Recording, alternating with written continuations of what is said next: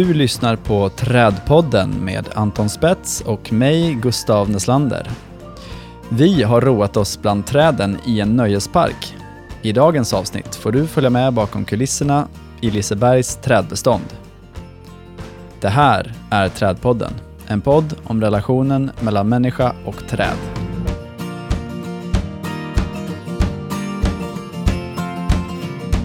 Hallå Anton! Tjena Gustav!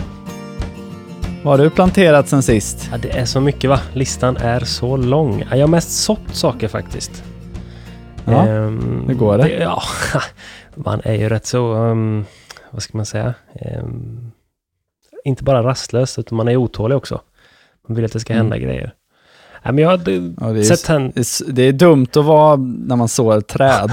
alltså, jag vet. en ginkgo kan väl ta så här fyra, fem år innan den gror. Ja, Liksom. ja, jo, Mm. visst, förvisso. Nej, men jag har petat ner. Jag har eh, eh, Douglasgran, eh, har jag fått Mm. ner. Eh, Nicolön, som eh, du var Mm. med när vi samlade in lite förra året. Eh, Jajamän. Skenkamelia. Minnas trädgård. Ja, precis. Minnas Ja. trädgård. Skenkamelian också för Minnas trädgård. Och eh, lite korstörna också som jag plockade i Köpenhamn. Mm. Eh, Pavlovnia med jag lyckats komma över. Så det, Just det, var den du norpade på möllan. exakt. Nice. Så den hoppas jag hårt på, men det är åtta dagar nu har de legat, så det kommer ju ta en ganska bra stund till. Jag blandar in dem lite i de olika eh, grönsakssådderna och perennsådderna också. Så det är tur jag bor på landet kan jag säga, för hade jag haft grannar så hade de ringt polisen direkt. Så det här härliga ult- ultravioletta skenet som kommer från uthuset. men, men. Ja. Ja. så det är fint. Du då? Eh, jag har startat miniplantskola, så det är roligt. Okej. Nej, eh, men eh, jag har ju slutat jobba i plantskolebranschen, men jag känner att det vill hålla i mitt gamla hantverk någorlunda i alla fall. Eh, så jag har bakom växthuset lagt ut några meter eh, Mypex, sån här eh, svart markväv, och eh, gjort hål i den och satt ner små, små, små, små träd där. Så tänker jag att de, de står ganska tätt, ska de få växa till sig och sen när de är sådär manshöga så kan jag plantera om dem en gång och sen eh, kanske sälja till en granne eller något eller till någon på Blocket eller så hittar jag någonstans att plantera dem. Ja, grymt. Eh, men min trädgård börjar dock bli väldigt full, jag får snart inte plats med fler träd. Bara nu i helgen här ska jag plantera eh, ett jättestort tulpanträd som jag har kommit över Jo. så här tre och en halv meter högt typ, eh, eh, med grenar från basen. Ja, rimligt. Krokig, härlig. Ja. Jag vet ännu inte riktigt var jag ska få plats med den. Men sen ska jag plantera något annat som är väldigt spännande och det är en Eucalyptus gunni. Aha, okej. Som, du, som du har köpt Eh. nu eller fick du den i avskedspresent? Nej, jag, jag har köpt Ja. den. Ehm, och eh, det är en chansning, men jag har sett, eh, det finns ju en odlare utanför Oslo, eller en trädgårdsmänniska som är ganska aktiv på Instagram. Eh, Gramsten, tror jag han heter Just där. det. Eh, han la upp en bild på att eh, han, hans eukalyptus stod i blom till och med, Oh. här i förra våren eller sommaren eller vad det Ja. var. Och då blev jag lite peppad, fan man kanske skulle prova ändå. Ehm, Så jag har fått tag i en ganska stor en, den är väl så här 3,5 meter hög i alla fall. Eh, Stamomfång oklart, men typ 10-12 kanske eh, på hög stam. Eh, Så vi får se om den eh, tar sig. Det var ju synd att jag inte planterade den för ett år sedan med tanke på den här milda vintern. Jag hade den ju fullkomligt älskat. Nej, men det är ju en vintergrön växt och eh, om den tar sig och sådär så ska den ju kunna växa väldigt fort. Så att, eh, spänd på det. Se vad som händer helt enkelt. Ja. Eh, Men sen kanske det kommer en vargavinter plötsligt något år och då dör den Ja, väl. Men eh, Det är ju så. det får vara värt det. Jag har också sett Ett någon på Instagram som har den ute. Jag tror det är någonstans i regionen runt Kalmar va? Mm. Tror jag vi har sett också. Ett problem är att jag måste sätta den jättenära huset, för det är där det kommer vara snyggast Mm. mot uteplatsen. Mm. Och den har ju ganska aggressiva rötter. Ja, ja. eh, men jag tror ju inte riktigt på det där, Nej. att trädrötter är fa- speciellt farliga för husgrunder. Så jag, Kör, ja, kör. jag kör på. Du har ju ingen Mm. källare heller. Så det är lugnt. Nej, precis. Ja. Jo, just det. Det vill jag ju säga med. Eh, vi ska ju, jag har ju planerat för att plantera lite i, i våra parker också. Mm. Eh, Du la ju upp lite härliga bilder från din eh, vinterferie uppe i Mm. norra Sverige. Bland Ja. annat från Skellefteå stadspark där de hade så vansinnigt snygga lärkhäckar. Ja, Eh, det var, jag var det var första gången jag, så jag kanske har sett det innan men inte har jag till, Nej. men nu har jag verkligen till. Nej. Den liksom lyste gult där i snön. Just det. det. var riktigt snyggt. Ja, och den, ja, precis. Får den vinterkvaliteten också är ju genialiskt där eh, så pass långt norrut.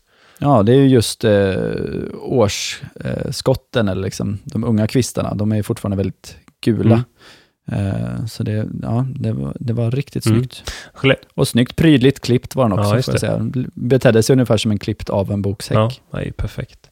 Och 2013 läste jag mig till så renoverades Skellefteå stadspark eh, ritad och Mm. gestaltad av Ulf Nordfjell. Så det finns Yes. ju anor där och bygga vidare på. Men de har satt Larix Sibirica, jag kommer sätta Larix Campferi istället. Mm. Det lämpar sig nog mer på dina breddgrader. Så det är pepp. Och så vi kommer sätta en eller kanske två, vi får se hur långt plantorna räcker, eh, rumsbildande häckar inne i en park. Så vi kommer inte ha det så som det var i Skellefteå som en ram, utan det här kommer sitta inne i parken. Och så kommer vi faktiskt göra en annan rolig grej också. Vi kommer blanda bok och eh, blodbok som häck runt om. Mm. Eh, vi diskuterar oss fram till 70-30 förhållande. Vi tror det blir bra. Ja, det låter Ja. nice. Absolut. Det är lite häcklyx. Ja, vad roligt. Du, eh, vi fick ett mejl Mhm. från eh, herr Erland Eider. Ja, Erland. Och Erland, precis. Erland eh, är också engagerad i Magnolia-sällskapet, precis som Magnus, som vi träffade i eh, förra avsnittet. Eh, och har varit väldigt engagerad i Magnolia-skogen, eh, jobbat mycket med den. Men han kom med ett tips, för jag sa ju att den här Magnolia Sunrise, som jag hade fått i avslutningspresent från det. att jag inte visste någonting om den. Eh, Nu, nu vet då, du. Nu vet du. Nu vet jag Ja. absolut. Ehm, nej, det är ju fantastiskt med den här typen av information och få det till sig. Det är jag otroligt tacksam. Eh, så Erland har skickat ett urklipp ur eh, Magnolia Journal, tror jag den heter, Ehm, där han och andra har skrivit. Ehm, där det har varit lite förvirring kring den här, Okej. Eh, som tidigare gått under ma- namnet Magnolia Consinna. Mhm. Ehm, ehm, men eh, icke sa Nicke, det, det får den inte heta. Nej. Utan, eh, Vem bestämmer det? eh, Ja, det... Nu det above my pay grade här, men... eh, det, det är väl en, en grupp som bestämmer och, och eh, liksom avgör vad det är för art och hybrid och så vidare. Ehm, för då är det så att det är ingen Consina utan det är en Magnolia cylindrica. Och eh, då har den då i Nordamerika och i Europa saluförts under namnet Magnolia eh, cylindrica Sunrise, eller bara Magnolia Sunrise. Men det gillar inte kineserna, för det var fel, fel namn. Man kan inte bara hålla på och ändra hur som helst. Så nu ska jag citera här ur, eh, ur texten, jag tyckte det var lite roligt. Uh, the cultivar epithet Sunrise was attached to this selection without permission of and against the desire of the introducer Wang. Articles 31.4 of the cultivated code states A cultivar, group, or Grex name is to be rejected if its publication is against the expressed wish of its racer or breeder. Therefore, the name Magnolia Sunrise must be rejected for this cultivar in favor of Magnolia cylindrica Ly Ching. Okej. Eh, så att, Ord och inga visor. ja, banne den som går runt och namedroppar Magnolia Sunrise till höger och vänster. Den heter faktiskt Magnolia cylindrica Ly Ching och jag kommer aldrig säga något annat om den här. Bra. Då, har, men då kanske du har ett svar på min fråga. Då är det alltså, att det är alltså Kina i det här fallet som går in och styr upp övriga växtvärlden. Ja, precis. Men det finns ju alltså en, en, en code, en, en, en regelbok Mm. för hur det ska gå till. Mm. Och då under paragraf 31.4 står det att man kan inte gå emot eh, eh, ursprungs... Eh, eh, vilja, eller vad man ska säga. Ursprungs... Eh, ja. Det här, låter, det här är värre än min eh, tax eh, stamtavla kan jag säga. så. Ehm, men eh, ja, så jag tackar Erland jättemycket för det. Kul. Grymt. Eh, hoppas få ha mer med Erland att göra. Ja, Trevlig person. ja verkligen. så säga. Han sa att, att vi kanske springer på varandra i Magnolia-skogen tillsammans. Det vore ju kul. Ja, det kan man verkligen Ja. hoppas. Grymt! Tack så mycket för det Erland. Vi har fått lite mer lyssnar, eh, både frågor och eh, uppmaningar. Mm. Sara har hört av sig eh, strax efter att vi släppte avsnittet om tallar. Jag ondgjorde mig lite över att det var svårt att beställa rätt. Framförallt Mm. kvalitet, skogstall, höjdmässigt. Eh, och då upplyser hon om oss att i den nya, nu får hjälp med Gustav vad den heter, nya branschstandarden för plantskoleväxter. Ja, den hette ju tidigare Gros lilla gröna och det är väl vad folk fortfarande säger, men den heter den inte längre för den heter någonting med LRFs eh, regler kring eh, ja, växter och sånt. ja. ja Mm. tack. Det, folk vet vad vi menar när vi säger uppdaterad version av Gros lilla, Gros lilla gröna. Eh, då kommer det vara så här att ny standard för barrträd, som alltså beställs som alléträd, då är höjden 1,20. Ja, så inte två meter Nej. eller 1,80. Eh, det underlättar ju lite, för, framförallt för plantskolorna skulle jag säga. Mm. Det är svårt att få upp eh, tallar i, i den storleken och fortfarande ha det ett eh, vettigt pris. Det Eh, blir lite mer kostnad för oss som har planterat dem då, med andra ord tänker jag, om vi har för avsikt att ha dem som alléträd. Mm. Kommer vi behöva klippa och uppbyggnadsbeskära ganska mycket mer. Ja, eller så får ni börja ha cykelbanor endast för sådana här liggcyklar. som kan liksom Just det. slida under. Exakt. Jag ska försöka införa det. Mm. Framgångsrikt. Ja, nej men tack Sara. Jättebra. Det känns ju faktiskt mycket enklare numera att beställa rätt grejer. Mm. Eh, och jag tror både plantskolebranschen och beställarna kommer tjäna på det här. Eh, sen har en annan man hört av sig som heter Åke, eh, som har gjort en väldigt intressant iakttagelse. Eh, och jag råkar veta att eh, Åke har levt betydligt längre än mig, så han har haft tid att göra den här iakttagelsen. Mm. Ehm, och det är att ekar eh, som växer vid och kring hans tomt och också generellt som han liksom har betraktat, de vrider sig alltid motsols, vill han hävda. Och det tycker jag låter jätteintressant. Vi har försökt titta lite i litteraturen och inte hittat speciellt mycket kring det här. Nej, ingenting. Jag eh, hittar ingenting. alla Nej, nej. Oj. och vad jag minns, alltså, när, ehm, när jag gick på Alnarp och man pratade om hur träd vrider sig, och kanske framförallt de här som vrider sig väldigt mycket. Mm. Ibland kan man se på hästkastanj, man kan se på Päron. körsbär också, päron, så får den här riktigt vridna stammen. Att det, man har inte riktigt eh, facit på varför det är så. Eller det var i alla fall vad jag fick höra då. Mm. Men, Nej, jag, jag har inte hört något annat heller, så vi skulle nog faktiskt vilja ha lite hjälp av våra riktigt meriterade lyssnare den här frågan. Har ni ett svar eller har ni en artikel ni sitter inne på där man tror kan läsa sig till svaret, skicka gärna den till oss. Eh, Mm. Vi är jätteintresserade av, av att få veta mer och få hjälpa Åke med det här. så två frågor. Mm. Varför vrider sig somliga träd väldigt mycket, så man alltså ser den här vridna stammen? Eh, och eh, varför är det då oftast, Mot. eller alltid, motsols? Så Åkes spaning är alltid motsols på ekar. Ja, grymt. Eh, vi har också insett, du och jag, när vi sitter och planerar lite här för kommande vår, att vi har haft lite svårt att lösa vissa intervjuer när det är som det är. Så vi skulle vilja Ja. ställa er en fråga nu, eh, lyssnare. Skulle ni vara intresserade av att höra ett, ett riktigt frågeavsnitt? Ja, Vill är Q&As, vad heter det? questions and answers, Q's and A's. Ja. Så får ni höra av er till oss i så fall med era frågor. Så vi har väl satt någon form av eh, ribba. Får vi ett antal frågor eh, Mm. den veckan som kommer till våran mail eller till våran Instagram så kommer vi efter för en vecka plugga på som dårar och köra Mm. ett eh, Ja, Det frågeavsnitt. vore jättekul faktiskt. Eh, vart hör man av sig då? Kanske några undrar. Ja, antingen till tradpodden gmail.com eller på vår Instagram och där heter vi Trädpodden. Det är väl det bästa. Mm. Ja. Så skicka in er fråga där så ska vi göra allt vi kan för att hitta ett svar och får vi tillräckligt mycket så vi får ihop ett program så kommer vi köra det. Kanske redan nästa gång. ja, det vore jättekul. Ja. Grymt. Trädpodden vill tacka vår sponsor Berg och landskap. De tar hand om er utemiljö från första penndraget till sista spadtaget. Vill du veta mer om Berg och landskaps tjänster? Gå in på bergochlandskap.se. Tack Berg och landskap. Utan ert stöd hade vi inte kunnat göra Trädpodden.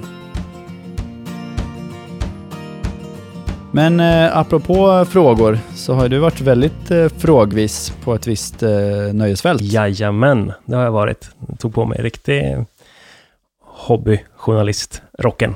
Mm, Ställde okej. massa, massa frågor. Skitväder var det också.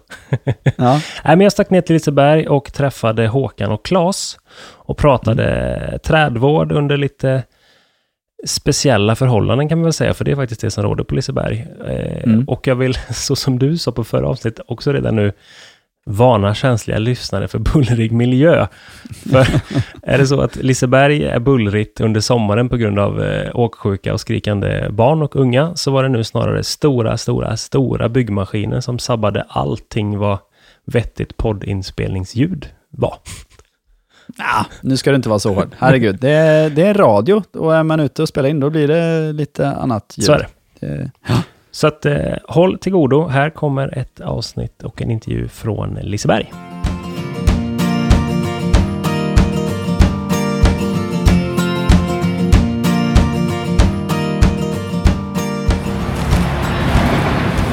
Det är få förunnat att gå så här i en, i en nöjespark som är helt tom. Helt klart. Helt klart. Det är inte många som får göra. Nej. Jag har tagit mig till eh, Göteborg och jag står här med Claes Gundleborn och Håkan Blanke. Tjena! Hej. Hej. Hej, hej. Hur, hur är läget? Det är härligt. Uppstarten på allting som ska komma. Jo, det är fantastiskt. Ja. Det är trevligt. Våren är på gång. Och... Ja, det känns bra. Ja, ja, gött. Det är väldigt mycket mer bakgrundsljud än vad jag förväntar mig så här på Liseberg, men det kanske är lite andra grejer som påverkar mer än vad det brukar göra, inte sant? Jo, det är Västlänken som håller på att spöka här runt omkring oss. eh, Så att, eh, ja, det är lite oljud. Ja, Får man ja, säga. Ja, det är så. Jag gick in genom huvudentrén här och så direkt upp till höger. Va- Vart är det vi står nu? Vi är i Lustgården som var Lisebergs bidrag till eh, Göteborgs lustgårdar 2008. Eh, då vi och Gunnebo bland annat och Trädgårdsföreningen och Botan hade, gjorde lite större eh, grejer i, eh, på anläggningarna. Eh, så att eh, det är 20 000 kvadrat. Lustgården, va? 22 tror 000 jag. kvadrat. Någonting Ja. som gjordes om från att vara en del av parken som egentligen inte var direkt publik till att öppnas upp och göras som vår väl kanske enda rena parkträdgårdsdel utan karuseller i. Det är andra saker man uppskattar där om man inte uppskattar karuseller. Vi ser en björkstruktur, vi ser en del ek. Vi tittade på päron som på gång och slut när vi gick upp här. Du sa att den här delen inte var karuseller tidigare. Vad, vad var det här uppe då? Innan 2008? Det var mer ett eh, döutrymme. Så den här delen, nu är det ju väsnas ur de Västlänken där då, men här får man inte väsnas med gap och skrik och skratt. Eh, Det var ju bostadshus och sånt ganska nära. Och då var det en ganska bra yta att bygga det här lustgårdsprojektet då. Ja, ja. Så att, eh, vi fick ju försöka dela upp det i lite områden och olika teman för att få ihop de här 22 000 kvadratmeterna. Och då blev just detta Indian Summer med lite rödbladigt även på sommaren. Då. Så har vi även en, eh, om du ser borta vid den här eh, stenmuren runt där. Ja. Så har vi eh, fått ett träd av Göran Johansson som han fick i 16 men han bor ju lägenhet, bodde i lägenhet så vi fick den hit då. Okej. Det är trevligt. Va, vad är det för något? Är det en röd bok? Ah, snyggt. Det här är ju kanon, kanon. Det ju en historia om enen som bonsai-klippt här borta. Det var ju också någonting som ni väl hittade när ni Ja, den var ju här från början. En eh, vanlig Juniperus vitsriana. En jättestor eh, gammal kinesisk eh, krypen typ. Va? Och då så... Ja, det är synd att ta bort den. Den Ja, var ju absolut. ganska stor och de, de ser oftast inte så roliga ut kanske men vi eh, stammade upp den och klippte alla kolla grejer. Så lämnade vi då tofsar på toppskotten. Alltså, Det blir så en jättestor bonsai. Ja, den är ju skithäftig. Det ser ut som en eh, bläckfisk på torra land nästan. Ja, faktiskt. som kryper ut där. Ja, ja. Ehm, om tre år då, firar Liseberg 100 år. Stämmer det? 23. 23. Ja. Helt rätt. 1923. Jajamän. Ja. Det är mycket 100-årsjubileum hit och dit. Ja, Både Borås och Göteborg fyller 400 nästa år. Just Sådana grejer. Ja. Vad, ehm, Jag läste på lite på, jag hittade Lissipedia hittade jag av en slump. Jag blev lite besviken. Det nämndes inte så mycket om grönstrukturen. Det var mycket byggnader, mycket karuseller, mycket pengar som saknades och folk som vill rycka in i tidigt skede där. Men alltså, fanns det ett tankesätt kring nöjesparken som, som helhet så tidigt som 1923? Har ni någon koll på det? Jo, men det gjorde det ju. För det, det här området var egentligen tänkt som en friluftspark, eller typ Skansen från Ja. början. För vi har ju ett eh, Kinsgillet som ligger här uppe som flyttades hit. Eh, och sen har vi den gamla väderkvarnen som står här också. Så att, eh, tanken var att det skulle bli något liknande där, men det stannade vid det Ja. eh, ändå. Och så. ja. Men eh, alltså, trädgård och grönska har ju varit viktigt hela vägen sedan Mm. vi började. Mm. Det var ju, redan på 30-talet hade vi den första trädgårdsutställningen. Okej. Sen, sen Göran Johansson var ju väldigt mån om att det, det gröna skulle bevaras på Liseberg just för att vi har varit Ja. grönt och med blommor och eh, så i- ända från början. Ja. Eh, så han stod ju jättehårt vid det. Ja. Ja. Eh, och det hoppas vi att det kommer fortskrida. Ja. Ja. Det finns ju mycket i Lisebergs bakgrund också med, och historia med eh, tobaksodling och kolonilotter och Okej. fruktträd. Ja. Så att det, nej, det är... Landberg var den eh, f- gubben som eh, byggde landeriet på 1750-talet. Och eh, han sägs vara den som har planterat många av ekarna på berget här så att de har ju några år på nacken. Ja. Ja. ganska ordentliga i grovlek. Så, Så det fanns en struktur att bygga på då kan man säga när man startade på platsen? absolut. Ja. Sen så på 1800-talet så eh, flyttade hit en familj. De hade ju en jättestor eh, liksom, eh, parkanläggning kring landeriet och värdshuset där. Eh, det är jätteroligt att ha kvar de byggnaderna fortfarande Ja. som minner om vad som en gång har varit här Det är ifrån klart. allra första början. Det är klart. Hur fungerar förvaltningen idag? Vad är Liseberg? Är det ett fritt privat bolag? Är det ett kommunalt ägt bolag? Eller hur, hur funkar det? Det är ett kommunalt aktiebolag. Ja. Så, att, ja, så det fungerar ju så att vi får behålla, om man säger vinsten som vi gör här på Liseberg, får vi behålla och investera och utveckla. Mm. Så det är ganska bra tror jag. Och, det, och sen genererar ju hela Liseberg, om man säger till Göteborgs kommun, över 2 miljarder per år. Så att det man ger ju ändå, om man säger, Och då finns det pengar över i kassan för träd? Jajamän. Och det, de är Ja. inte snåla med, alls med det gröna utan Nej. vi vänjer om det gröna och vi, eh, vi har ju också, eh, tar vi bort ett träd så sätter vi dit tre. Ja. Och det Så- funkar att hålla det? Ja, det funkar ganska bra Ja. eh, får man säga. Det vi väljer ju själva också. Ja. Vi har ju ingen som bestämmer vad vi ska ha för material. Eller, Nej. utan vi har väl, nu har det blivit mer med budget och sånt. Så att man får hålla sig lite grann efter budgeten också. Annars är det väldigt generöst får man säga. Ja. Det är det faktiskt. Ja. ja. Vi, Vi kan vandra vidare lite. Jag vill gärna kika på den här enen lite grann. ja. Den här var ju riktigt läcker. Den är lite lurvig, den är inte friserad. Så att, Nej, nej, nej, det, men ändå. Den är jätteschysst verkligen. Ja. Den tillför ju liksom... Det här är ingenting du köper. Det här, Nej, det här förvaltar du ju fram. Ja, precis. Verkligen. Vi Verkligen. försöker ju också bevara och spara och de kan komma, det finns så mycket olika argument att saker och ting ska bort eller de skyltar ska synas. Men då har vi ju alltid bra idéer med uppstamning, göra si, göra så. Så att vi får behålla Ja. träd och buskar så mycket som möjligt i alla fall. Ja, ja. Om man ser på ett helår, hur, hur stor är bemanningen, skötsel? Hur många är vi nu då? Så, 14 fastanställda året runt. Mm. Och sen så har, brukar vi väl ha en 6-7 säsongare som Ja. jobbar mellan april till november. Slutet av november. Ja. Vi, har ju, det är, vi, vi sköter inte bara det gröna, vi gör halloween och, och jul. har vi, vi hand om gestaltningen där också. Ja. Så att, ju eh, väldigt mycket tid. då. Allt annat som ska det som vi sköter om också med eh, 60 000 lökar som är fördrivna som ska sättas ner och det är ju 30 000 pangséer innan öppning. Och, så det blir ju tid till annat också. ja, precis. Är det maj till oktober som är normalöppettider? Ja.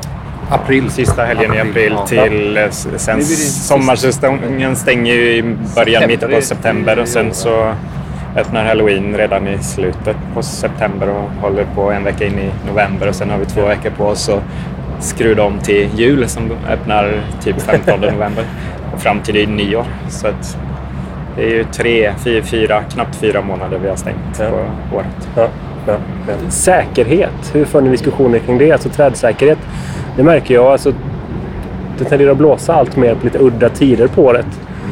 Och då svämmar i alla fall min inkorg över av medborgare som är rädda för träd. Jag menar, ni har en annan aspekt när ni har ett trä- säkerhetstänk i alla attraktioner. Hur, hur har det förändrats där eller hur tänker ni kring det? Vi hade en väldigt fin eh, trädvårdsplan. Vi hade ju ett företag som eh, inventerade, märkte upp alla träden. Mm. Arborister som, vi, inte alltid vi kommer åt själva med liftar och sånt. Arborister som eh, plockar döda grenar och helst över attraktionsområden och sånt naturligtvis. Men ja, så att det, det funkar ju rätt- ganska bra. Ja, ja, ja. Det finns inget form av säkerhetsavstånd till... Jo, det finns alltid ganska säkerhet. Så hårt. vi får Ja. kriga med mekanikerna. De vill inte ha ett enda träd i hela parken. Och vi vill att det ska kännas skönt när man kommer där med bergbanan och swishar förbi. Va? Så då har vi ju säkerhetsavstånd. Det brukar finnas alltid med en mall på, på spåret. Man kan, och sen så har vi en meter extra eller en och en halv. Men det ska inte vara nära. Ja. Och sen är det så också med attraktionerna. De kör så mycket och ofta. Så buskar och träd klipper sig själva. Mm. Just eh, vid sidan av spåret, när, de, när den flyger fram. Mm. Det växer liksom runt så. Ja. Inte nog, med att det, ja, ja, inte nog med att det brötar än. Nu börjar det också regna så jag tror vi söker vidare. lite mer skydd. Vi går vidare. Ah. Så då lämnar vi Lustgården nu egentligen eh, som är en, som ni sa, en typ av gestaltning. Mormor och morfar-gestaltningen. och så går vi vidare- och tittar på hur, eh, hur träd och buskar används i förhållande till attraktioner. Ja. Kanon. Skäms lite över våra arbetare. Men eh, bara ett, litet exempel. Ja. Den här asken här då. Va? Då kan man ju undra vad sjutton han har gjort med den då. Va? Det ser ju tjocka stumpar, avklippta eller eh, sågade och så. Men det är ju eh, Lotta på Liseberg. Och så ska man ha en vajer med en filmkamera som går fram och tillbaka. Ja, då ska det bort. ja. Då kan man inte välja säga att nej, det går inte. Nej, just det. Utan det är sån äh, Lö, lös det. Ja, exakt. Ja, ja. Då förankras den vajern upp i... Uppe i eh, berget där. Då fanns inte Helix. Nu, nu har de någon annan kamera. Nu är det lite mer modernt. Detta var för en åtta år sedan. Någonting. Ja. Men klart, det är ett annat perspektiv. Jag menar, det, tittar man på träd i gatumiljö så är det ju... Då vet du ju ofta vad det handlar om. Ja, precis. Men eh, visst. Här inne så är det lite annorlunda. Ja, med alla lampor. Vi har ju träden. Elektrik, bara en sån sak som elektriker ska in med sin korg där och sätta lampor. De, är ju inte, de tänker inte på det sättet som vi tänker. Nej. Vi får beskära. Vi talar lite extra. Vi försöker så att inte de, så att de ska komma åt. Ja, det är en intressant grej det du nämner om belysning. Hur, eh, hur, hur går tankarna där? Att eh, konstnärlig ledning vill ju ha lampor där de vill ha lampor. Där det, behövs, kan, eller det, ja, effekten blir som bäst då. Och det vi, kan, det vi har att säga till om det är att vi kan inte säga att nej, vi kan inte ha lampor över träd, de mår inte bra. Men det är olika sorter som mår bättre och sämre. Ja. Och det kan vi försöka att styra dem lite grann. Men eh, annars så, ja, det enda vi har fått dem till är att vi, vi kan skifta. Så att de får vila några år emellan. Den sitter ju fem, fem år i stöten. Ja. Sen är det ju lindat så det, det finns ju eh, lite utrymme till att expandera i, i slingorna. Liksom sådär, så att det är ingen fara för strypning eller sådär Nej. i alla fall. Så elastiskt linda är liksom det är standard. Fast det är det minsta problemet tror jag. Utan det är det, det, det, när de ska klä de här Ja, träden. absolut. Då förstörs de ju otroligt mycket. Mm. Så sen om, om det här med ljuset. Nu har vi ju fått LED-lampor. Precis. Innan, så om vi tar den eken i Tyrolen ungefär. Där, där var det 320 000 watt. En watt per lampa. Och, och, och den tyngden också då. Va? Men nu med, om man säger, jämför det med, det drar ju som 13 villor om man säger på över en vinter. Mm. Det här med LED, ungefär lika mycket. Det drar 500 watt. Ja. Det är helt otroligt alltså. Ja. Så jag vet inte om det här med värmen gör så mycket. Det är ju på vintern när de lyser, det blir väldigt varmt. Inte med med LED, men, men- eh, så nu med ledden så lär det ju inte göra det för de blir ju inte varma. Nej. Så att, eh, Nej. det är väl bara till det positiva i alla fall. Så då sitter alltså en, eh, en linda som är lastig sitter i fem år och sen går trädet in i en viloperiod för belysning. Ja. Hur länge är den i en viloperiod? Kanske två år. Det beror på lite grann vad det här trädet är. För vissa ställen i parken vill de väldigt gärna ha och då har vi inte så många att välja på. För då, då går det runt lite mer. Sen om vi skulle ja, vilja så hade vi säkert fått, jag tror, fick vila lite till. Då. Just det. Nu startar en till maskin här. Det är som att vandra runt i en hjulmaskinspark. Vi kan passa på bara visa här då. Ja. Se där kaukasisk vingnöt där. Ja. Vi satte, det här kaninlandet byggde vi 2013. Och det sitter ju i eh, marknivå om man säger. Eh, Och vi försöker hela tiden propsa på att vi vill ha för upphöjt. Så att vi skyddar stammen. Det är mycket bilar, sopbilar och andra entreprenörer. Ja. Samtidigt som folk kan sitta runt om. Så det är många aspekter att, det är, att vi vill ha det så. Att det är inte alltid vi får igenom det. Vi kan visa ett fint eh, exempel. Vi har ju annars blålera eller berg Ja. att jobba med. Så att eh, upphöjda bäddar är ju eh, att föredra. Ja. Helt klart för våran del. Hur tänker ni kring eh, skelettjord? Är det föreskrivet? Ja, eh, skelett, vi, har, vi har kört med skelettjord. Men de har följt ut. Vi hade ingen dränering ifrån skelettjord. Det var ju lera runt omkring så det blir som en vattenkittel, fylls med vatten. Men vi har kört lite cykelcross i sista med biokol och grus och eh, med lite eh, avrinning. Så det tror jag, det tror jag också på glas. Jag tror att det är det bästa som finns. Är det ett eh, mellandeponiläge på Nej. de här lönnarna? Jag står på balkongen där uppe och så har vi lite Ja, blommor ja, runt omkring. ja. Men Ja. nu ska vi eh, sätta klängrosor på den väggen, där, den svarta väggen där uppe. Så vi ska bygga en, en stor låda där uppe med eh, sån här äh, konstgjord sten på. Så det ser ut som berget fortsätter upp i huset där. Ja, ja, ja. ja. Så blir det två meter höga klängrosor där. ja. Gula. Snyggt. Så de här träden och lunnarna de har ju stått där uppe på balkongen då i baken. Fast det ser inte så roliga ut om man säger titta på. Skottillväxten är väl sisådär kanske? Ja. Men de återanvänder ni eller? Ja, ja. Ja. ja absolut. Ja. Jag ska- har träd som har stått i kruka så försöka om när de väl börjar växa ur krukorna så försöker vi så- alltså plantera dem permanent Ja. i, på något Ja. ställe. Ja. Nu ska vi se, nu ska vi visa dig andra sånt. Vi har satt det tre samtidigt. Ja. Och så då i hårdgjorda ytor är det två som sitter Ja. och en sitter i en upphöjd bädd. Ja. Det brukar vi visa för projektledarna så att de ska förstå att vi vill Bra. ha det när de... Bra. Vi kan ju först titta på vi har en Paulonia här också. Ja. Frågade om exotiska träd i parken. Det gjorde jag. Eh, Paulonian är väl ett utav dem, tycker vi. Det är den absolut. Och klart, så som den står här så konkurrerar han ju med diverse saker. Med kan man allt säga. runt omkring. Ja, ja, ja, men även åkattraktionen är ju liksom... Denna kommer i efterhand. Det är ofta så också. Det kommer grejer i efterhand. Då? Ja. För denna var aldrig från början här i Nej. detta området. Och en, eh, nu är ju Pavlovnian rackarns snabbväxande i Mm. rätt lägen. Hur Absolut. länge har den här stått? 2013 Ja. så var det kanske en 20-25 stam då när vi fick den. ja, det är bra tillväxt. Den har vuxit på alltså, årsskott. Den är ganska hårt ett, en gång. Har tagit bort en tre meter på den. Runt hela kronan. Ja, ni skar in den tre meter? ja. ja, ja.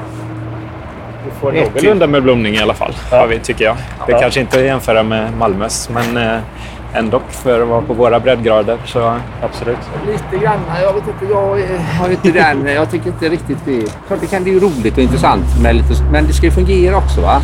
Det här är ju kanske kul att visa för sådana som gillar träd. Fast i det stora hela så är det kanske egentligen inte det vi ska ha här inne på Liseberg. Nej. Du, vad Det- tänker du? Mer Nej, jag tänker- klassisk struktur som du blir vill visa som det- då? Eller hur? Ja, Sånt som eh, Lindan har ju stått där länge. Va? Men planterar man nya träd ihop så. Det blir ju ganska tätt också. Och det blir ju egentligen vidvuxet, stora blad. Det blir ju inte mycket blommor. Det är väldigt sällan den blommar här. Ja. Knopparna, det, det, eller hur Claes? de två sista åren har den blommat ganska bra i alla fall, tycker jag. Ja. Ja. Det är ingen det är Kul, kanske en kul grej, ändå här ju. Ja, gör den ju. Jo, men det är nog skyddat. Och sen, från vind och den får värme från byggnaden och allting sånt där. Så att, så sätt så. ja, det har varit värre om den här stått där vi börjar gå. I lustgården på Ja. kanten där. På något, där har det nog varit tuffare för den. Eh, Den är inte en jättestor växtbädd för den heller. Nej, det är inte det.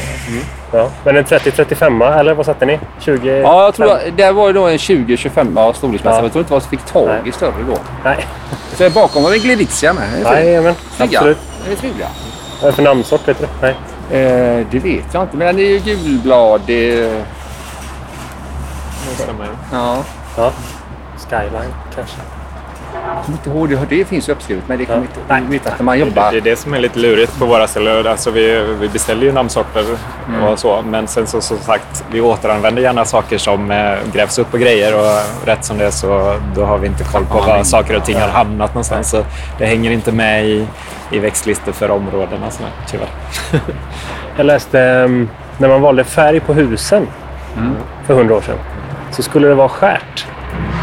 Och det var jätteintressant varför det skulle vara skärt. För att ge en känsla av ännu mera solljus. Just det. Det tyckte jag var lite roligt. Jag tycker det skulle vara gult kanske. Ja, men det, det var någonting med, det, med det, alltså reflektion. reflexen eller någonting. Att gick du här och det var sol, då var det förmodligen ännu mera sol som det skulle inge då. Menar du det är lite västerrosa eller? Ja, Ja. ja det är det som menas med Ja. Ja, vi traskar vidare. Det är en ganska fin ceder tycker vi. Absolut. Den är ju väldigt snygg till den attraktionen bakom som ser ut som skrotnisse, eller på att säga. För- För jag då som är lite trädinsnöad, det är den här typen av gestaltning jag förväntar mig av Liseberg. Faktiskt. Ja, men har, ni, har ni alltid tänkt så här alltså att man, man placerar träd i förhållande till vad det finns runt om? Samspel, färg, komposition. Vi brukar ha tema när vi bygger eh, områden, när man, olika attraktioner, så har vi oftast ett tema och det är ganska bra för då har man ju något att gå på. Och sen så när vi väljer träd, i alla fall jag, så, så väljer man ju lite grann det som finns i, omkring i närheten. Va? Så att man liksom, så det hänger ihop lite grann. Så vi sätter ju inte fem olika sorter på sam här inne. Nej. Vi försöker hålla oss lite grann. Det här var ju två björkar kvar bara från brända tomten. var ett helt annat ställe som vi fått ta bort då. Va? Ja. Det var ju björkallé här förr i tiden. Ja. Så till exempel, ja. Det, sen så lägger vi över in sådana här som den här uh, Atlas. Sedeln här va? Som är lite fräcka. Vintergrönt. Det är ju Ja. öppet på jul nu också så att... eh, Precis. Precis. Här inne, det här är ju barnområdet Kaninlandet och där ska det väl ändå vara lite mer lekfullt. Det kan vara lite knäppt eller lite så här spreta iväg.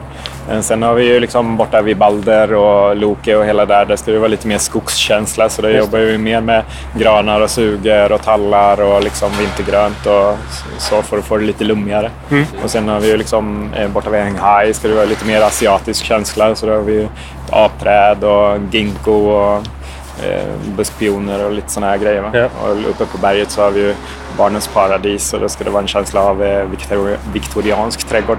Mm. Så det är en buxbomskantade växtbäddar och rosor och, och magnolier och Ja. ollerpiner och Ja. klottromin. Så, där, så att man, vi får ju oftast ett, ett tema som eh, konstnär, konstnärlig ledning ger oss, Mm. som du säger. Så. Sen har vi ju fritt, fritt fram faktiskt. Vi har att välja växtval. Ja. Så bara vi uppfyller önskan och känslan. Mot, eh, mot skogen, det tycker jag lät kul. Vi passer, passerar nästa eh, kaukasiska vingratten här. Ja, Det har ju sjunkit så mycket här i området. Ja. Det sjunker, det sätter sig allting. Va? Träden sätter sig också. Det är svårt att få dem raka. Men då får vi gräva upp och sätta tillbaka. Men det är lite synd. ja, sättningar är ju klart. Har ni det ni har under också så blir det lite tuffare. Här har vi då nummer två. Nummer två, kaukasisk vingrött, ja. Jord, yta. Mm, mm. Nu har väl den haft... eh, Du ser här också. men det- När det står så här. Det, det körs på och det, nu är detta klassat bra egentligen. Men det... Ja. Det här, den här är en klassiker. Så, och så ska Ja. man gärna gå lite här. och Ja. Så, Just det. så Mycket barn. kant, Det är inte konstigt. kanter på buskage och sånt är ju oftast lite skadat. Ja, men jag tänker att barn slår armkrok runt tvätt här så går man runt och så liksom blir det en... Ja, precis. En trampskada. Men här finns ingen skelettbädd eller skelettjord. Inget skelett alls här. Nej. Det, var, alltså, det är så bråttom. Det här var ju 2013 då. Det, var, det är så bråttom allting. Och det, det nu får vi vara med lite bättre från början. Ja. När, ja, i, I stadiet innan det liksom det sätts igång. Där är det tredje. Samma tid, samma storlek när vi satte det. Upphöjd, bädd, sittplats, Ja. skydda stammen. Ja. Pedagogiskt exempel. Det är ju ypperligt bra det Ja, här. och då förstår de direkt vad man menar. Det är bra. Ja, det är ju slående faktiskt. Ja. Det- En reflektion snabbt här. Jag kan ju liksom få en känsla av att det här är ju egentligen en kopia av en stadsmiljö. Ja. Ja, det blir ju lite det. Väldigt fast ni får det mycket ja. mer Koncentrerat. koncentrerat under vissa delar. Och det är klart att då blir det ju... Genomslaget här får bli egentligen gånger två på något vis. Visst, ni slipper stora lastbilar och bussar och de grejerna och brandbilarna. Husdjur grejer, ja. Men eh, ni har ju andra problem, helt klart. Ja. Men det här är ju alltså omfånget här mot de två Ja, Du visade tidigare. tvådubbla, tredubbla. Ja, Ja. absolut. Och kronvolymen, den Ja. är ju extrem. Ja. Och en upphöjd växtbädd, eh, sittplatser runt om. Den växtbädden börjar på 50 centimeter upp ungefär. Ja. Trädpodden vill tacka vår sponsor Mareld Landskapsarkitekter. Nordens främsta landskapsarkitektkontor och förstahandsval för kunder med högsta ambition vad gäller gestaltad livsmiljö. Är du nyfiken på Marelds många olika tjänster och projekt? Gå in på mareldlandskap.se. Tack Mareld Landskapsarkitekter. Utan ert stöd hade vi inte kunnat göra den här podden. Det är lite också om, om du undrar om vi hade eh, skötselplan eller plan för att byta ut och grejer. Mm. Ser så de mår ju inte riktigt bra en del. Nej. Många lindar. Det Nej. grävs mycket i gatorna hela tiden med, med eh, rör och Ja. ledningar och Ja. det ena med det tredje. Ja. Så att vi har väl inte riktigt haft det innan men ska väl börja på en utbytningsplan har vi ju pratat om. Så att eh, vi kan få successivt byta ut träd som inte mår så bra. Just det. För det är ett jättebra exempel. Ja. Om ni ska byta de här tre, vad skulle ni valt istället då? Vi står och tittar på tre lindar som... Vad kan de vara? Omkrets 60, Ja. 70 Ja, någonting. 70, ja, de yttersta i alla fall. Ja. Hur må- Hur många år har de stått här? Det är långt innan våran tid. Ja. Vad kan det vara? Vad kan en sån... Eh, de byggde här, säg att de kanske... Vad kan de vara? En, eh, 70 år gamla Ja. ja. kan de nog vara. Kraftigt tillbaka beskurna. Det är, ja, det är det som ser så... Vi är ju tvungna att det är Mm. torka in. va? Sen får man ju ta så, så, så lite som det går så att det är så grönt som möjligt kvar. Ja. Och då blir det så här Ja. tråkigt. ja. ja die, en genomslående dieback, alltså det syns ju verkligen Ja, tydligt. ja. Men om ni skulle få byta ut de här, vad, tror ni? Med den strategi ni har idag, vad skulle ni satt istället då? I första hand så hade vi ju upphöjda, Ja. upphöjda så att är en lång upphöjd så man kan sitta på bägge sidor. Och sen hade vi väl fått diskutera fram någonting. Eh, någonting. Det, det är ingenting man säger så på. Utan det, Lind hade ju inte blivit, tror jag inte. Utan eh, Det är egentligen inte idealiskt med linde så här med, med att det blir så kladdigt under eh, på somrarna liksom eh, eh, och allting sånt där. Ja. Det blir väldigt mycket eh, alla linde eh, frön och allting som virvlar runt så blir det ganska skräpigt utav dem egentligen. Så det är sådana grejer man får tänka på lite också. precis, det är mycket sånt. Plus att eh, kan vi inte avslöja någonting va? men det här kommer bli helt andra grejer runt omkring här. Och då så kör vi kanske lite grann på det temat. Just det. Det kommer, ja, Ja. ja. eller hur Claes? Yes. Intressant. Mm. Tulpan. Lite, den sträcker på sig lite mer. I alla fall. Mm, ja, ja, ja. ja. Det är ju söderläge. ja.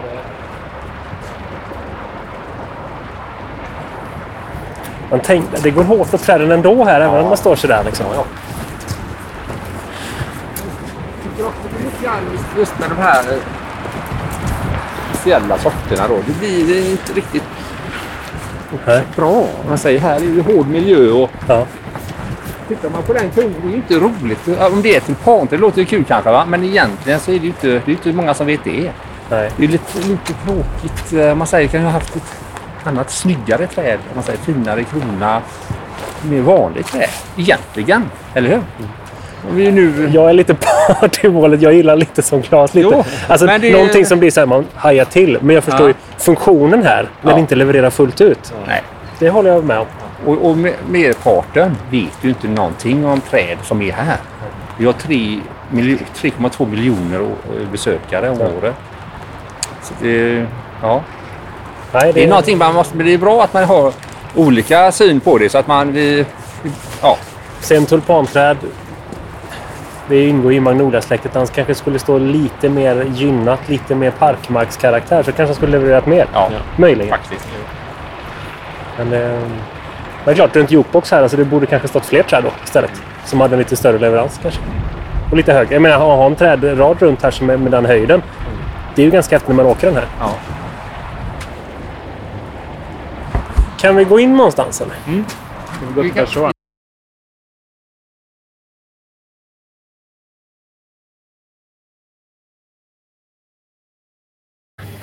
Alright, nu har vi tagit oss in i ett litet varmt kontor. Det var skönt. Och kaffe har vi också fått.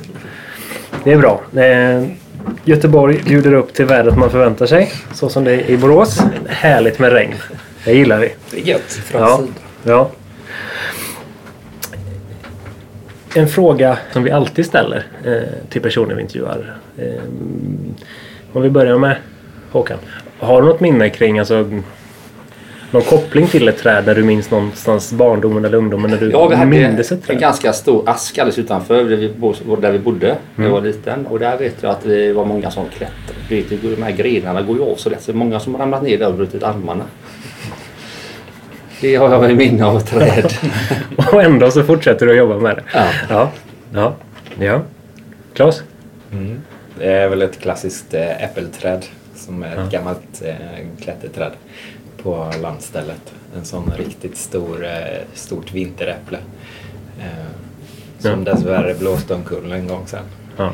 Men eh, det, ja, det hängde man och klängde i ganska mycket. Jag tror att det är det, det som man har kvar sedan man var liten. Och hur kommer det sig att ni hamnar här idag då? Alltså på Lisebergs skötselsida? Ja, vi- Liseberg, jag, jag har ju levererat växter till Liseberg sedan jag var 18 år. Ja, Eh. Jag ju- hade plantskola i eh, Askim. Mm. En ganska stor plantskola. Så vi sålde jättemycket växter till Liseberg. Så jag har fått förfrågan flera gånger om vi vill börja jobba här. Men det, sen till slut så blev det ja, att jag fortsatte här. Klas? Jag har jobbat här sedan 2013. Ja, just det. Eh, och eh, det var väl mer slumpen att jag hamnade här egentligen. Jag, jag omskolade mig inom trädgård 2011. Då hade jag en vision om att jag skulle jobba på något mer eh, typ Trädgårdsföreningen eller Gunnebo slott eller liksom mer eh, traditionell, klassisk, eh, ta hand om ett kulturellt arv liksom. Eh, men ja, hamna här och det är ju raka motsatsen för här gör vi ju mer eller mindre nytt hela tiden. Eh, och jag tycker att det är jätteroligt. Det är dels designbiten och att man får klura på växter och grejer liksom och, och att det är föränderligt. Mm. Så jag tycker det är jättespännande. Ja. ja. Jag förstår det. Alltså vi, vi, vi gick ju bara runt husknutar eller runt karusell och så kommer det ett, ett nytt tema nu när vi gick genom parken. Mm. Det, det måste ju verkligen vara... Kreativiteten måste ligga nära ytan hela tiden. Absolut, det gör den ju definitivt. Och det här byggljudet också dessutom. nu är det inte Västlänken vi hör i bakgrunden utan nu är det ert hotellbygge. Ja, Kommer de påla länge? det vet Ja. vi inte. Jag har hållit på i en månad så att det kommer nog vara några månader till innan eh, grunden är klar. Så länge kan vi inte sitta här. Vi får stå ut med det här. Det är bara så. Om man inte ska uppleva den nya delen av Liseberg som ni faktiskt har visat mig idag. Något trädresemål. Kan vara precis var som helst. Hur mycket flygskam man kan ha i kroppen. Vill du börja Claes? Jag säger min skog. Ja. Eh, Den behöver du inte flyga till. nej, det behöver jag inte. Och där kan jag skogsbada hur mycket jag vill Ja. hela tiden. Ja. Jag tycker det är helt underbart att gå i skogen och jobba. Ehm, så närmsta skog är Mm. mitt bästa tips tycker Ja. jag. Ja. Eh, för där kan man ju hitta ganska mycket eh, ändå, även om det inte är eh, eh, namnsorter, om man säger så. Just det. Ja. Håkan? Ja, men du ställer den frågan så skulle jag nog säga då eh, Lilla torget i Malmö där paulonierna när de blommar i mitten på maj där. Just det. Det, eh, jag har bara sett det en gång men eh, de blommar säkert eh, lika mycket varje gång och då snackar vi blomma. Mm. Just det. Så det är en bra utflykt. kan man ta tåget dit. Ja, precis. Slipper man flyga. Ja. Jag tror också att de har rivit byggnadsställningen nu som var bakom, Bakom ganska det? många år. okej, ja. Så nu är de ännu snyggare. Ja. Det, jag tror inte de som sitter under dem förstår vad det är de sitter under heller. Nej. Det, Nej, det är fantastiskt. ja, verkligen. Ja, det var ett bra tips. Enkelt och billigt också. Ja. Vad tror ni, har grönstruktur alltid varit så viktigt som ni får mig att tro att det är nu för Liseberg? Har man alltid haft med det i planeringen? Ja. Ja, jag skulle nog vilja Alltid, påstå ja. det. Ja. I och med att som vi, ja, vi har haft trädgårds... Vi öppnade 1923 och på, redan på 30-talet så hade vi liksom trädgårdsutställning eh, i eh, en, en stor eh, utställningshall, konserthall som fanns på den tiden. Eh, så att eh, absolut. Och som sagt, det, vi, det finns ju grön historia redan sedan 16, 17, 1800-talet med våra stora ekar och Mm. tobaksplanteringar och allting sånt där. Ja. Så att eh, det, det, förr så var ju parken öppen som flanörspark innan eh, attraktionerna satte igång på liksom lite senare på kvällen. Mm. Eh, så då var det ju verkligen så här liksom öppet för att folk skulle kunna njuta av säsongsplanteringar och, och all grönska som var här. Och sådär. Utan inträde då? Eh, ja, det var det nog Ja, det var tror jag. fritt inträde. Ja. Så att, eh, några timmar innan liksom ordinarie öppning om man säger. För det borde jag veta kanske, men så är det väl inte idag? Nej. Nej. Nej. Det är bara på onsdagar klockan 11 med pensionärerna och di- eh, dans på polketten. Jaha, Då Då är det gratis för dem. och då kollar man lägg då, som man är över 65? eller? Ja, de brukar vara äldre än 65 så det ser de nog. gång. ja. Ja, precis. Nej, vi behöver mycket. Jag tror också det som folk kommer till Liseberg om man tittar tillbaka i tiden. Vi har ju alltså med sommarblommorna jättemycket amplar. Du vet, vi hade ju växthus eh, som vi odlade ju allting själva. Så det var ju enorma liksom, exemplar redan från början och vi kunde ta in och byta. Och vi har ju jättemycket stammar, eldkronor, potatisblommor, fuchsier. Ja. Stora gamla som jag haft i 50-60 år. Och som då och det är ju riktigt maffigt. Och så detta enorm eh, liksom, eh, mängden med sommarblommor. Ja. Det är, det är lite mindre sånt nu. Lite mer träd och sånt istället faktiskt. Fuxierna är inte alls lika... Ni har dem kvar? Vi har eller? allting kvar fast vi har ju inget ställe att förvara dem så att de blir ju inte lika fina. Nej. Så att eh, det är lite synd. Ja. Kopplingen trädgårdskultur till parkförvaltning tror jag någonstans har kanske tappat lite riktning. Jag ser samma sak. Borås la också ner sin, sin plantskoleverksamhet eller upprinningsverksamhet ska jag säga för 20, 15-20 år sedan. Och det, nu köps allting in istället. X antal stam kvar absolut men inte i samma utsträckning. Jag tror- Ja. Det är svårt att få någonstans så vi kan övervintra sakerna. Vi har ju hittat ett par ställen men det finns ju inga ytor och det är jag tror inte det är med samma känsla. Man övervintrar saker och ting när man det är inte ens är egna grejer heller. Mm. Ja, ja.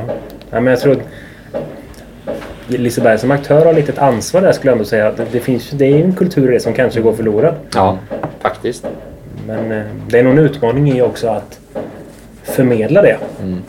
Eller nu har vi gått och kollat på träd på Liseberg och jag kommer ju gå hit och bara skylla på att jag vill kolla på träd. Jag, också, jag, kan inte, jag får så himla illa när jag åker karuseller så jag, Ja. jag vill inte åka hit av den anledningen. Men just att få gemene man att vara intresserad av en stamsfuxia som är 60 år idag. Det känns ju skitsvårt. Ja. Tyvärr. Fast den är ju mera i jämnhöjd och så väldigt vacker så att det är lättare. Ja. Och, alla tittar ju inte så ofta Ja. skyn. Nej, precis, precis. Om man är som jag nu då och eh, inte vill åka någonting men ändå, jag ska inte säga måste, men vill ta sig till Liseberg. Vilket träd får man inte missa eller vilken trädmiljö inne på Liseberg måste man kika på? Är det någonting vi inte har tittat på nu som är liksom så här? Så här då, jag tycker det är fint. eh, Man går eh, södra entrén upp och så eh, stigen. Ja, det är inte skyltat någonting där men då kommer man upp till viktorianska trädgårdsbiten där. Mm. Det är ganska trevligt att gå med gamla ekar och bokar och, och så har vi planterat rätt mycket. Det är mest buskar men lite träd också. Mm. Fint där Ganska lummig stig eh, där man inte ser hela vägen upp liksom, utan man, det finns nya grejer att upptäcka runt nästan varje krök på stigen. Ja. Ehm, så, ja, var- den är jättefin. faktiskt. Ja, och det blev till också så att den här stigen då, den är 240 meter lång och så är den ju då tillgänglig för alla. Man kan ta sig runt med barnvagn, rullstol då. Men egentligen så skulle vi haft en sån eh, rullstolshiss, typ barnvagnhiss eller vad heter det? Hiss. Just det. Som de har på Ja. Universium där. Det skulle vi ha för att folk skulle kunna ta sig upp lätt då. Va? Men då var det, enbart på grund av att det var två stora ekar som hade fått ryka då. Och därför gjorde vi den här 240 meter långa stigen upp istället. Det är ungefär, ja, så det, där gick ju åt. Vi har planterat jättemycket buskar och växt träd. Och, Känslan kanske inte heller är att den här hårt exploaterade nöjesparken då kanske. Så som jag tolkar det att ni beskriver det. Man har och för sig sista droppet på Flumride precis jämte så det Ja, är ja, ganska ja. mycket skrik emellanåt. Men eh, nej, det är en jättemysig så. Och inspirationen kommer ju faktiskt från Alice i Underlandet.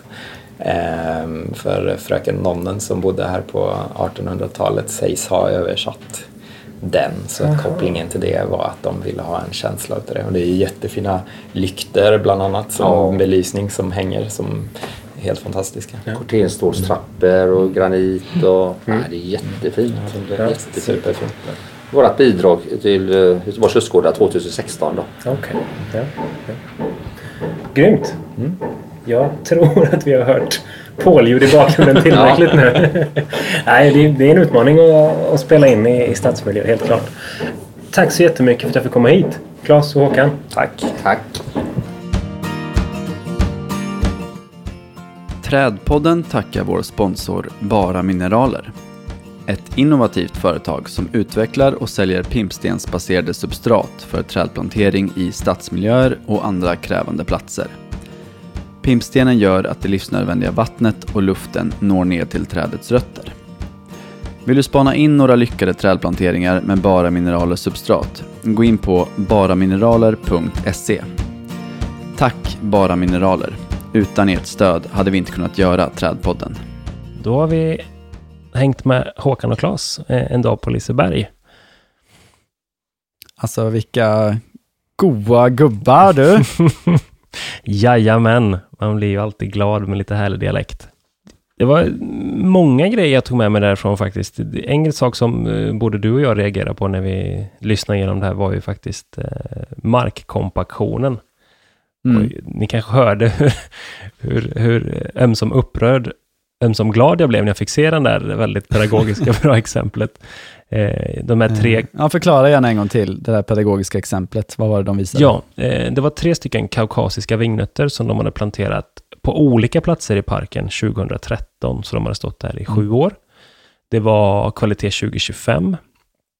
Eh, när de satte dem, två stycken stod så att säga eh, direkt i mark, eh, gatumiljö, i markhöjd. Mm. Eh, utanför ja, två åkattraktioner. Det var liksom inte mitt i ett stråk, men de stod liksom så att folk kunde gå Mm. kring dem. Eh, och en ganska liten trädspegel runt om. Och så den tredje stod i en upphöjd bädd. Det var en bänk runt. Säg att den kanske hade, den trädspegeln var två gånger så stor som de andra. Mm. Och, och omkretsen på det här trädet som fick stå i en upphöjd bädd, det var ju alltså nästan till tredubbelt. Och kronan Ja. var tät, den var fin, den var pigg, den ville någonting. De andra två ville bara så här, ta fram motorsåget nu och fäll mig. Mm. Det var väldigt intressant. Nej, men jag tycker det där är så eh, klockrent. Eh, jättekul att de vill göra det där lite som ett test och ett väldigt bra sätt att visa upp. Jag hoppas du tog bilder på det här som vi kan dela med oss av. Ehm, men jag tänker att alltså, eh, en nöjespark det är ju lite samma situation som en skolgård, som kanske är lite vanligare mark att plantera träd på än, än just nöjesparker här i våra städer. Mm. Eh, och stol, skolgårdar är ju ett ständigt problem just att få träden att eh, trivas och må bra. Eh, Det gäller öv, övrig växtlighet också. Eh, och det är inte så att barnen vill träd och buskar illa, det är ju bara att de har väldigt mycket energi och rör sig överallt där det går att röra sig. Ja.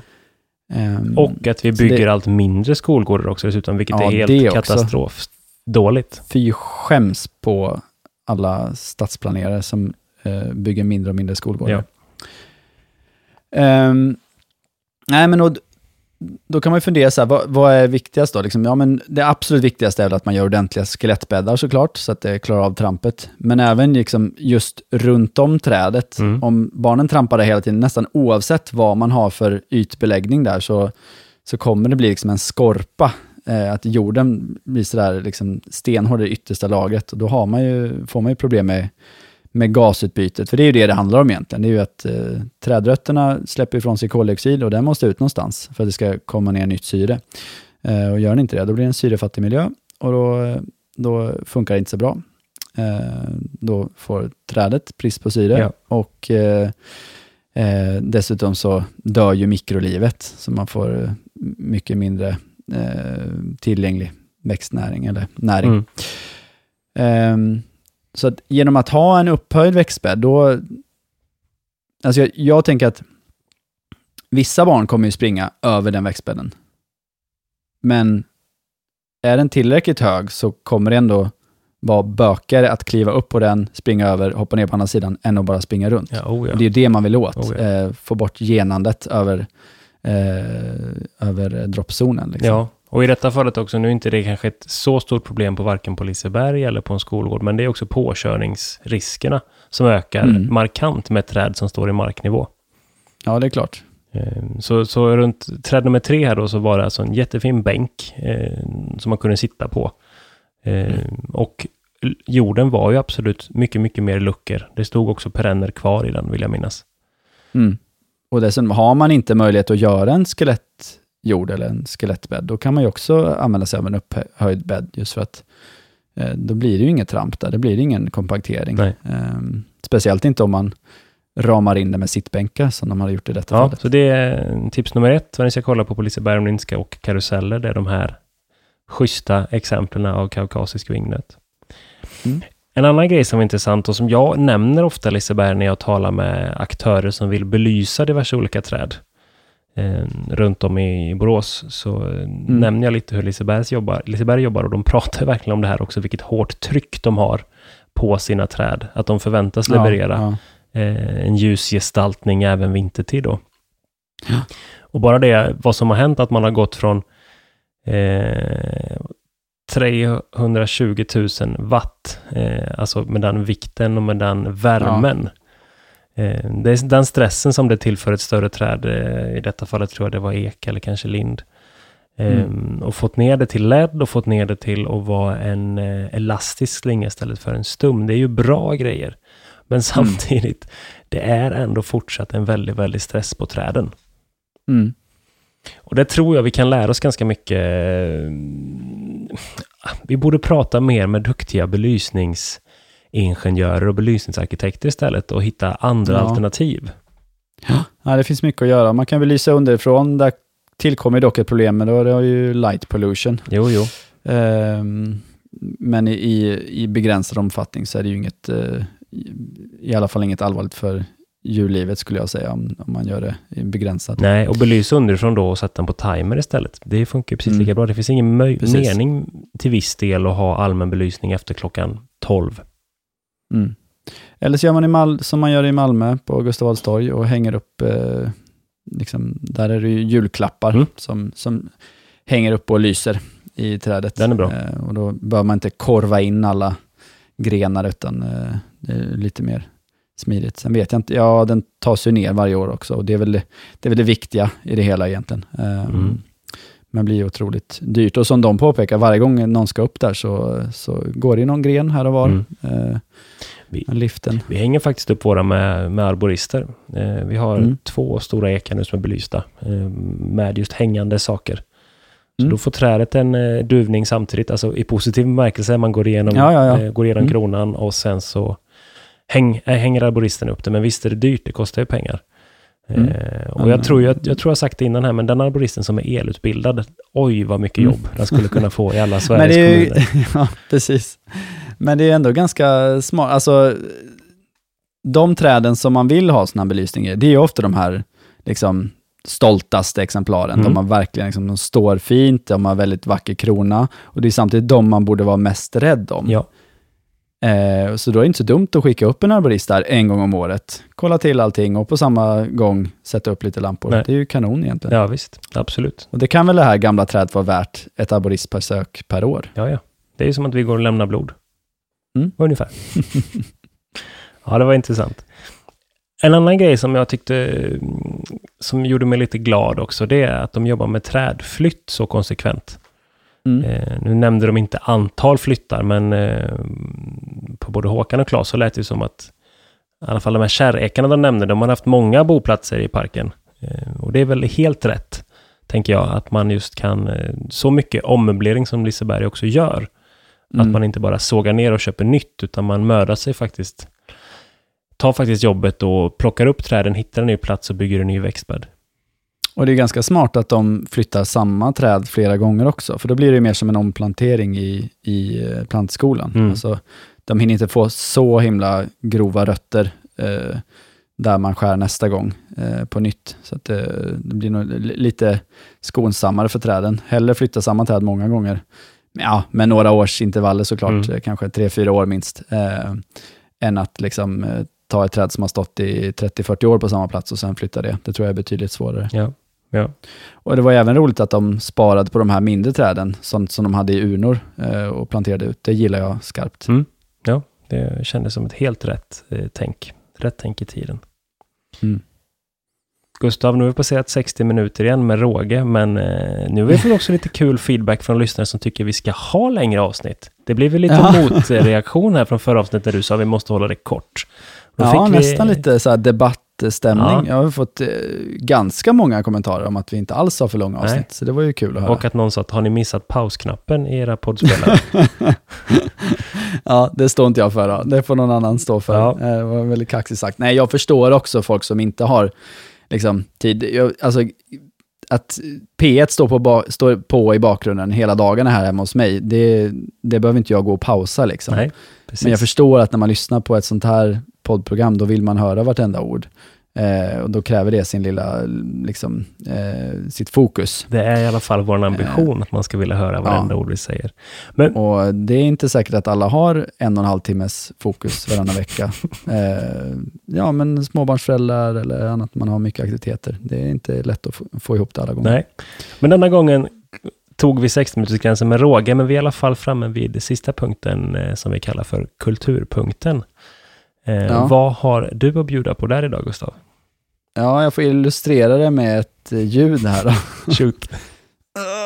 Det är så här tung är den boken. Släpp inte den nu. Jag försöker hålla upp den här boken med en hand. Nej, men den väger nog fan, det är ett, ja, mer än ett kilo alltså, absolut. Ehm, det är en riktigt tjock bok om träd som heter Vandenberg on Trees. Mhm. Eh, det är alltså, kan man säga, en plantskolekatalog. Eh, I perm. Ja, som då är släppt av den här plantskolan som heter Vandenberg. Och eftersom det här är public service så måste vi säga att det finns ju jättemånga andra bra plantskolor där ute. Ehm, Nej, men det gör det. Men, men ingen annan plantskola har en sån här fantastisk trädkatalog, skulle jag säga. Nej. Den är otrolig. Det är en holländsk plantskola. Okej, det är en jättetjock bok. Vad, vad är det som är så himla bra med just den här plantskolekatalogen i, i hård perm?